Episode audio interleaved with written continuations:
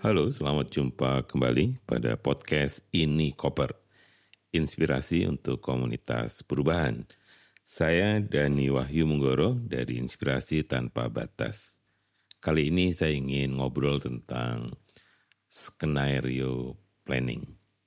Sebuah metode yang saya sedang sangat tertarik untuk belajar lebih jauh, walaupun sebenarnya pernah mencoba dan terlibat di dalam kegiatan skenario planning pada awal tahun 2000-an setelah reformasi. Sebelum itu saya ingin mengucapkan selamat tahun baru untuk para pendengar, penyimak, dan juga followers setia dari Ini Koper. Karena tanpa dukungan dari kawan-kawan semuanya, tentunya semangat untuk memproduksi konten ini koper kadang perlu disupport terus-menerus supaya saya dan kawan-kawan bisa membuat konten yang bermanfaat bagi kawan-kawan semua. Hari ini saya ingin mencoba belajar ya tentang skenario planning. Pendekatan ini sebenarnya menjadi sesuatu yang penting kalau kita menghadapi satu situasi yang tidak biasa. Orang menyebutnya situasi-situasi yang kompleks, situasi-situasi yang bergejolak atau turbulensi, kemudian situasi yang serba tidak pasti atau uncertainty. Kemudian juga ada ciri lain yaitu banyaknya kejutan-kejutan baru, orang menyebutnya adalah novelty, dan pada akhirnya sebenarnya kita menghadapi apa yang menjadi problem bagi para pengambil keputusan atau pemimpin atau juga para manajer di berbagai organisasi, yaitu apa yang disebut dengan yang kita sebut sebenarnya dengan ambigu. Ya. Ambigu ini menjadi sesuatu yang yang apa ya yang sehari-hari kita hadapi sekarang karena bukan berarti bahwa yang satu salah kemudian yang satu benar tapi bisa jadi semuanya benar gitu. Jadi di dalam ambigu itu bisa semuanya benar bisa juga semuanya salah.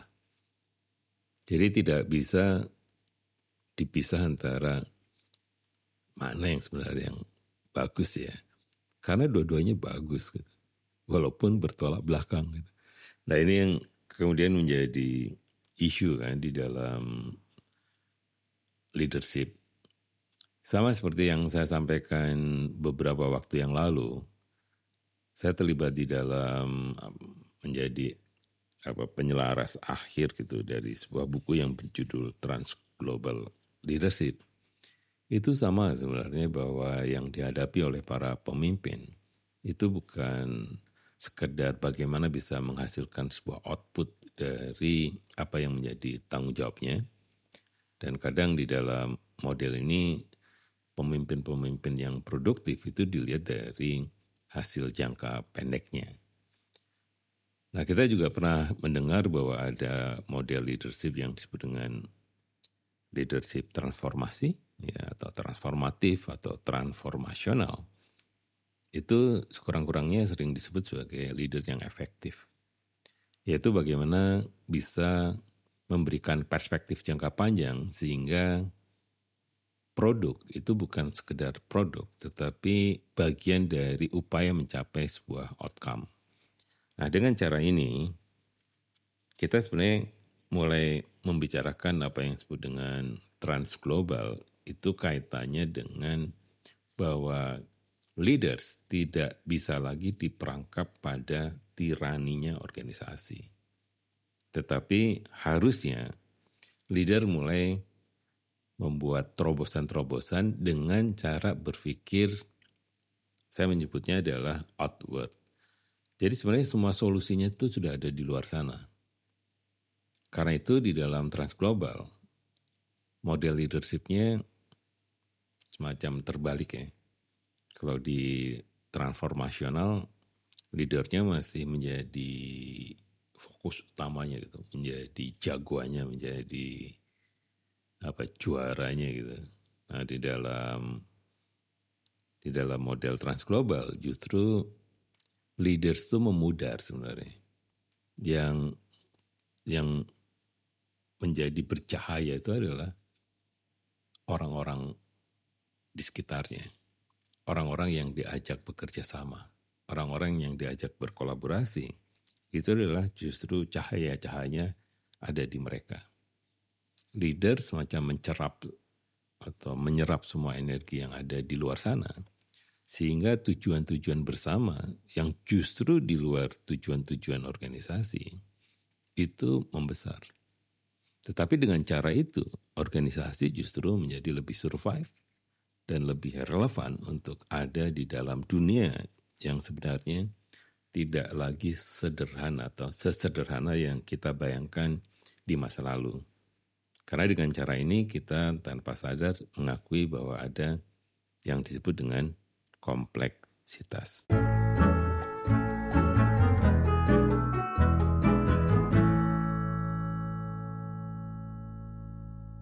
Ketika kita sadar ya tentang bahwa kompleksitas itu adalah sebuah realitas, maka salah satu yang menjadi penting untuk melihat ke masa depan tidak bisa lagi sebenarnya hanya dengan menggunakan misalnya visi gitu.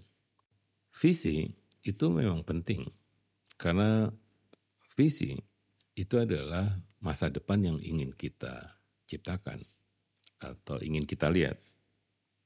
Sehingga di visi itu selalu pertanyaannya adalah kaitannya dengan nilai-nilai yang kita anut atau kita perjuangkan untuk bisa visi-visi itu terwujud. Yang menarik sebenarnya pada saat kita membicarakan visi, visi sendiri rata-rata ya kualitatif kan. Misalnya tatanan dunia yang lebih adil untuk perempuan, itu bisa menjadi sebuah visi. Dengan cara itu, visi itu karena sifatnya values tadi, itu diyakini.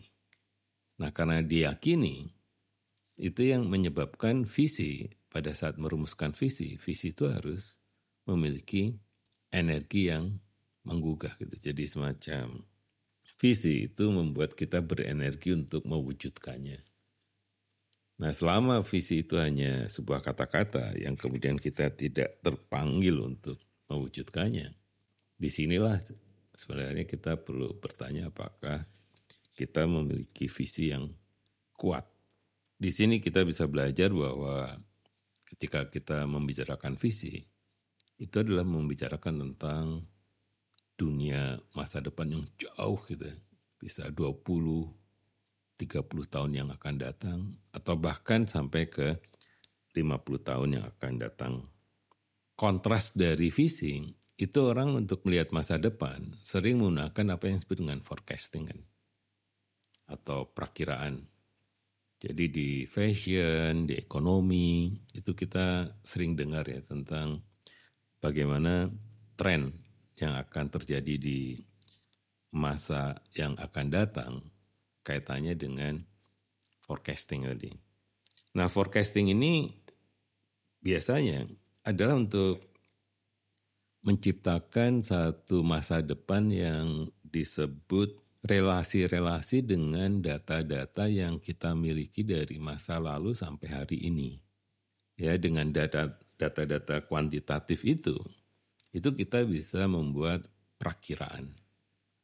Ya dengan ekstrapolasi atau dengan modeling dan sebagainya untuk bisa sebenarnya membayangkan masa depan yang mungkin terjadi dengan tren data yang kita miliki. Di forecasting sama seperti di vision, itu resiko disembunyikan. Kadang kita hanya hanya tahu hasilnya gitu. Matriks, bisa data, bisa besaran, ya juga bisa dengan statement-statement seperti itu. Jadi forecasting biasanya di dalam model masa depan yang kita ingin bayangkan itu ya sifatnya kuantitatif. Seperti kita pernah dengar kan bahwa Indonesia pada tahun 2050 itu akan menjadi negara yang GDP-nya nomor 4 di dunia. Kalau sekarang baru 0,2 berapa gitu ya, miliar US dollar gitu. Itu GDP pada tahun 2050 Indonesia diperkirakan ke angka 7,3 triliun US dollar ya. Jadi tinggi banget gitu. Tapi jangan bangga dulu ya. Karena di atas kita tuh India itu mencapai 22 triliun US dollar gitu. Jadi jauh dengan yang nomor tiga.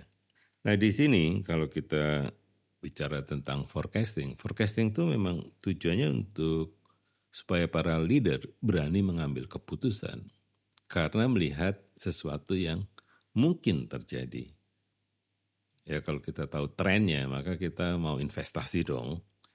Ya kalau kita tahu angkanya kita juga bisa berani mengambil keputusan untuk merespon uh, situasi seperti itu. Karena itu forecasting sebenarnya cenderung ke jangka pendek ya. Kalau tadi vision ya, vision statement itu membicarakan tentang masa yang jauh di depan, maka di forecasting sebenarnya ya antara short ke medium gitu. Jadi di situ biasanya ada angka-angkanya karena di forecasting itu ada satu keyakinan kalau 10 tahun ke depan itu dianggapnya sebuah kepastian. Gitu. Bagi para pemimpin perusahaan itu biasanya ya 10 tahun ke depan itu udah terbayang karena punya data forecasting seperti ini gitu.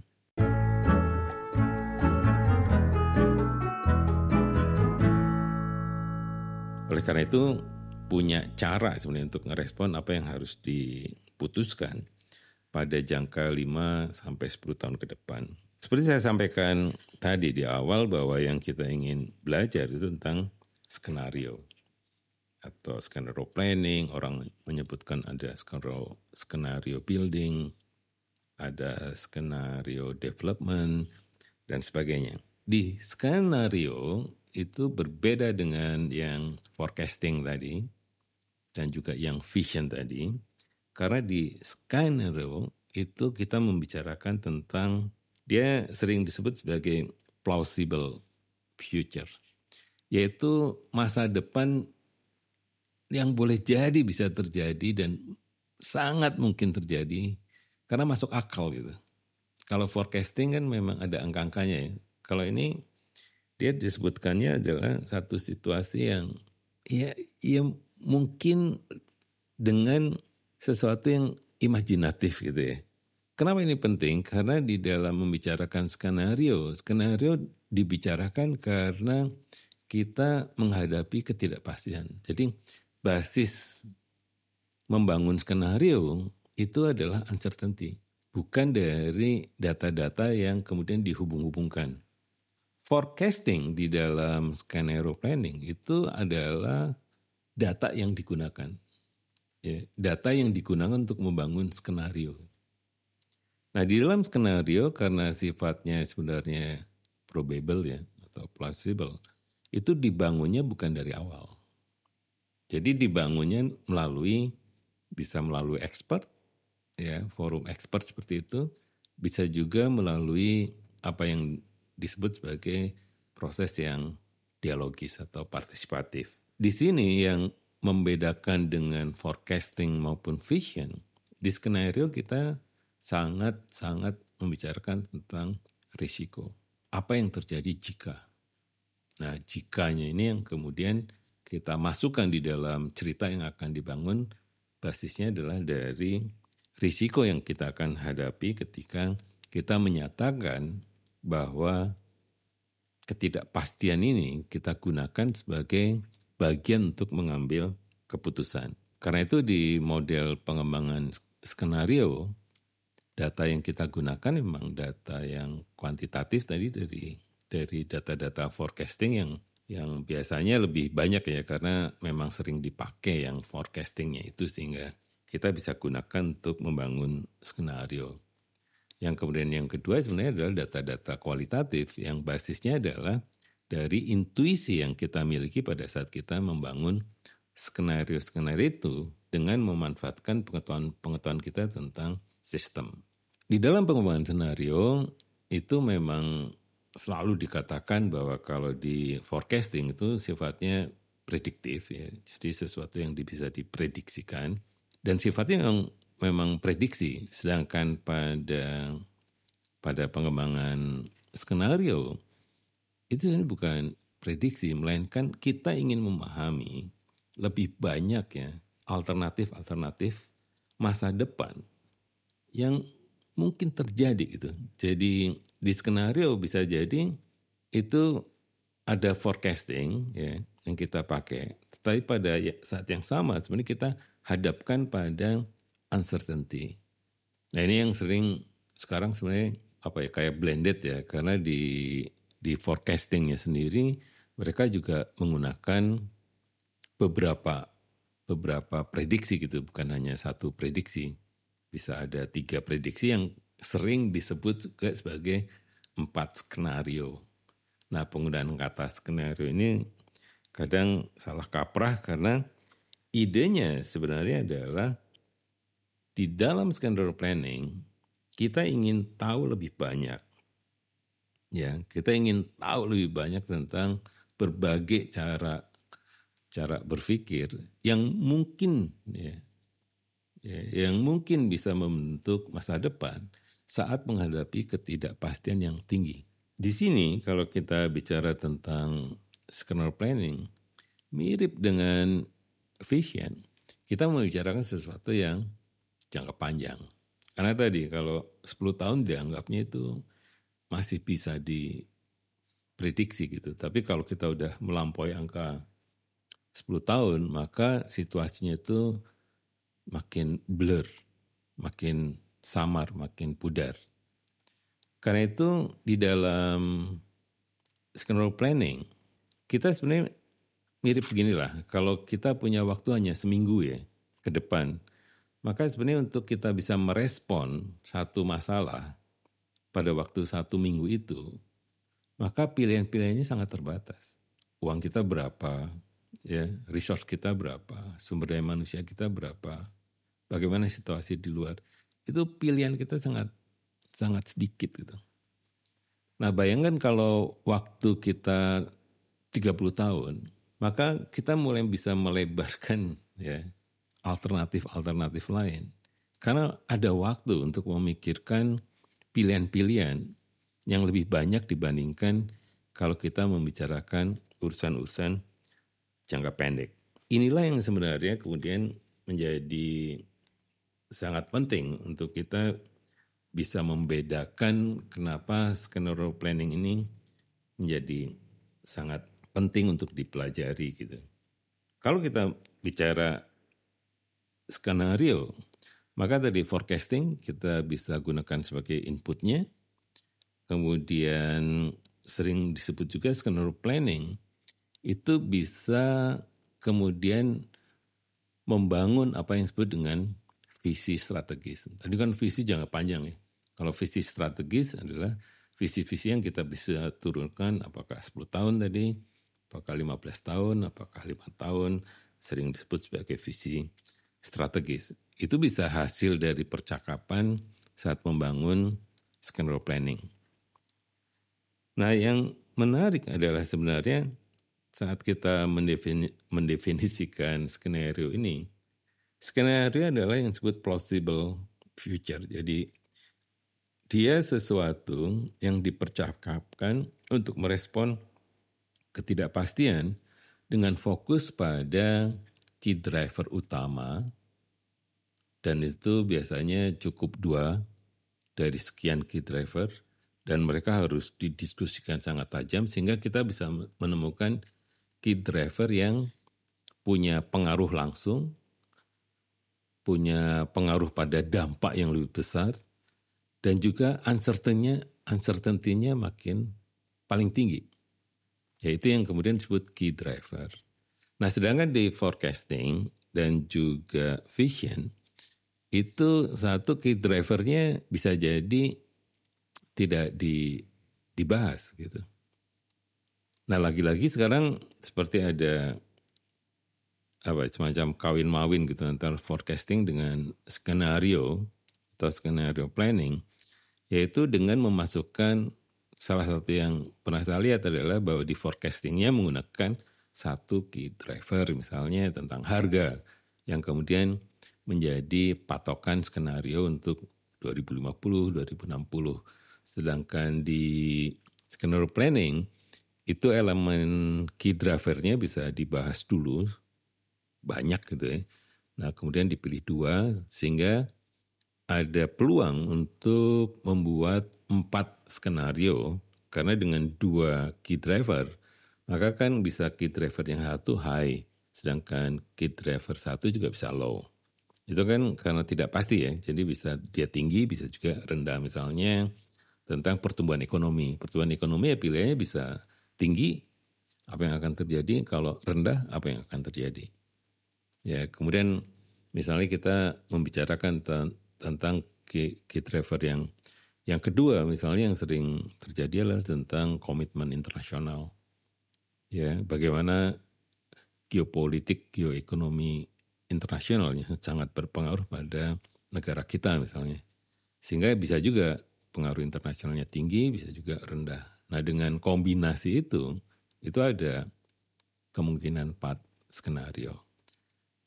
Nah, di sini pengalaman saya adalah bahwa pada saat kita gagal ya menentukan key driver yang tepat, maka skenario-nya bisa jadi juga tidak terlampau kuat gitu. Karena itu key driver menjadi sesuatu yang penting di dalam tahapan membangun skenario. Jadi biasanya tahapannya adalah menentukan isu atau pertanyaan vokal yang ingin kita bahas, misalnya Indonesia 2045 misalnya. Yang kedua adalah kita menentukan key driver, ya, apa saja yang mempengaruhi dari pertanyaan itu yang bisa menghambat atau mewujudkannya. Gitu. Baru yang ketiga menganalisa key drivernya, ya sekurang-kurangnya dua, karena kalau tiga kombinasi skenario-nya mungkin banyak gitu. Empat bisa jadi ada 16 skenario gitu. Kan pusing juga gitu. Nah kemudian setelah ketemu dua key driver kita membangun skenario. Masing-masing skenario itu yang kemudian dianalisa ya elemen-elemennya. Nah ketika kita sudah bisa membaca elemen-elemennya akan terjadi, ya bisa jadi peristiwanya, asumsi yang kita gunakan, ya kemudian juga apa yang dibayangkan akan terjadi. Nah, untuk memudahkan komunikasi biasanya di masing-masing skenario itu dibangun cerita. Nah, ini yang beda ya dengan yang lain karena di sinilah kita membangun apa yang kita sebut sebagai stories. Skenario yang dihasilkan adalah bisa jadi tadi ada ada metaforanya, kemudian juga ada elemennya, kemudian ada poin-poin penting yang perlu di, disampaikan, mengapa begini, mengapa begitu, apa analisanya, apa asumsi yang kita gunakan dan sebagainya. Kemudian juga yang keempat adalah apa yang sebenarnya bisa menjadi poin-poin penting yang yang diperhatikan pada masing-masing skenario itu.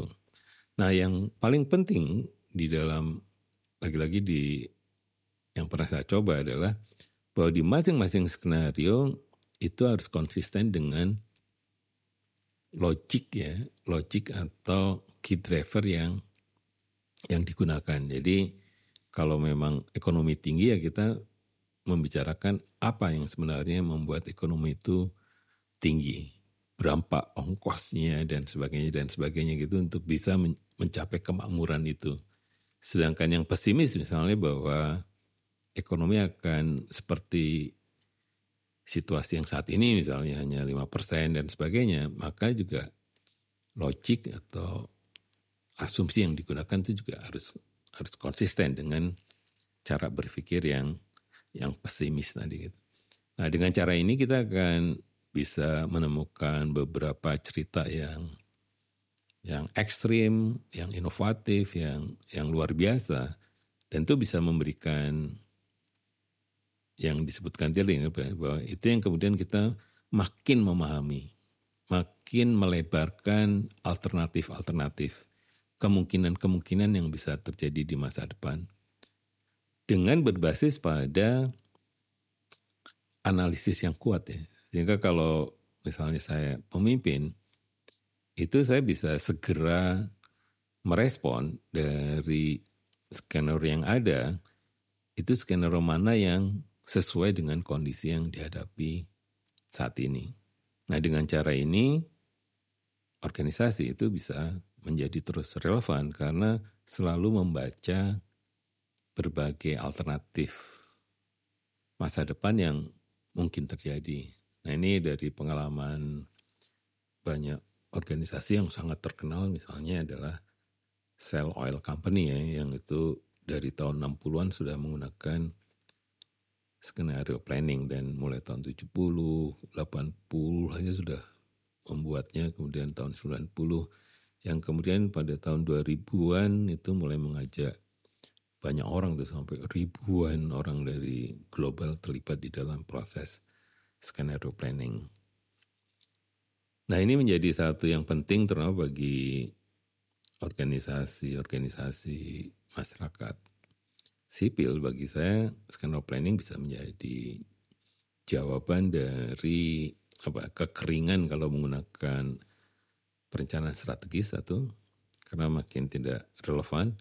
Yang kedua theory of change itu juga masih jangka pendek juga kan 10 tahunan seperti itu maka juga sering digunakan tapi tidak efektif karena tidak konsisten untuk dipakai di dalam proses pengambilan keputusan organisasi. Nah, jadi dengan skenario planning sebenarnya alternatifnya bisa dibuat buat banyak gitu ya. Kalau di Renstra dan Theory of Change tetap hanya satu skenario kan.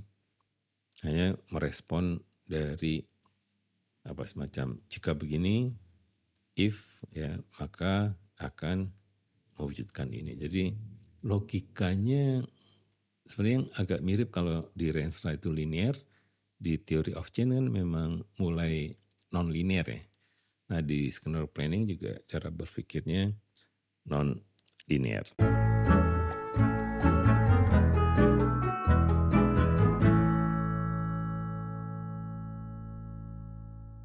Ya jadi begitu ya, kita bisa belajar beda antara satu vision, ya, kedua adalah forecasting yang sifatnya prediksi, kemudian skenario planning yang sifatnya to know, jadi untuk memahami masa depan.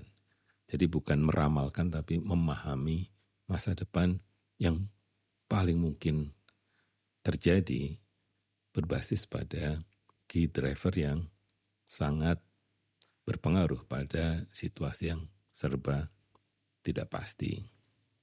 Jadi itu saja ini koper kali ini. Kami di ini koper selalu percaya bahwa berbagi apa pun akan bermanfaat bagi komunitas perubahan. Sampai jumpa pada edisi berikutnya.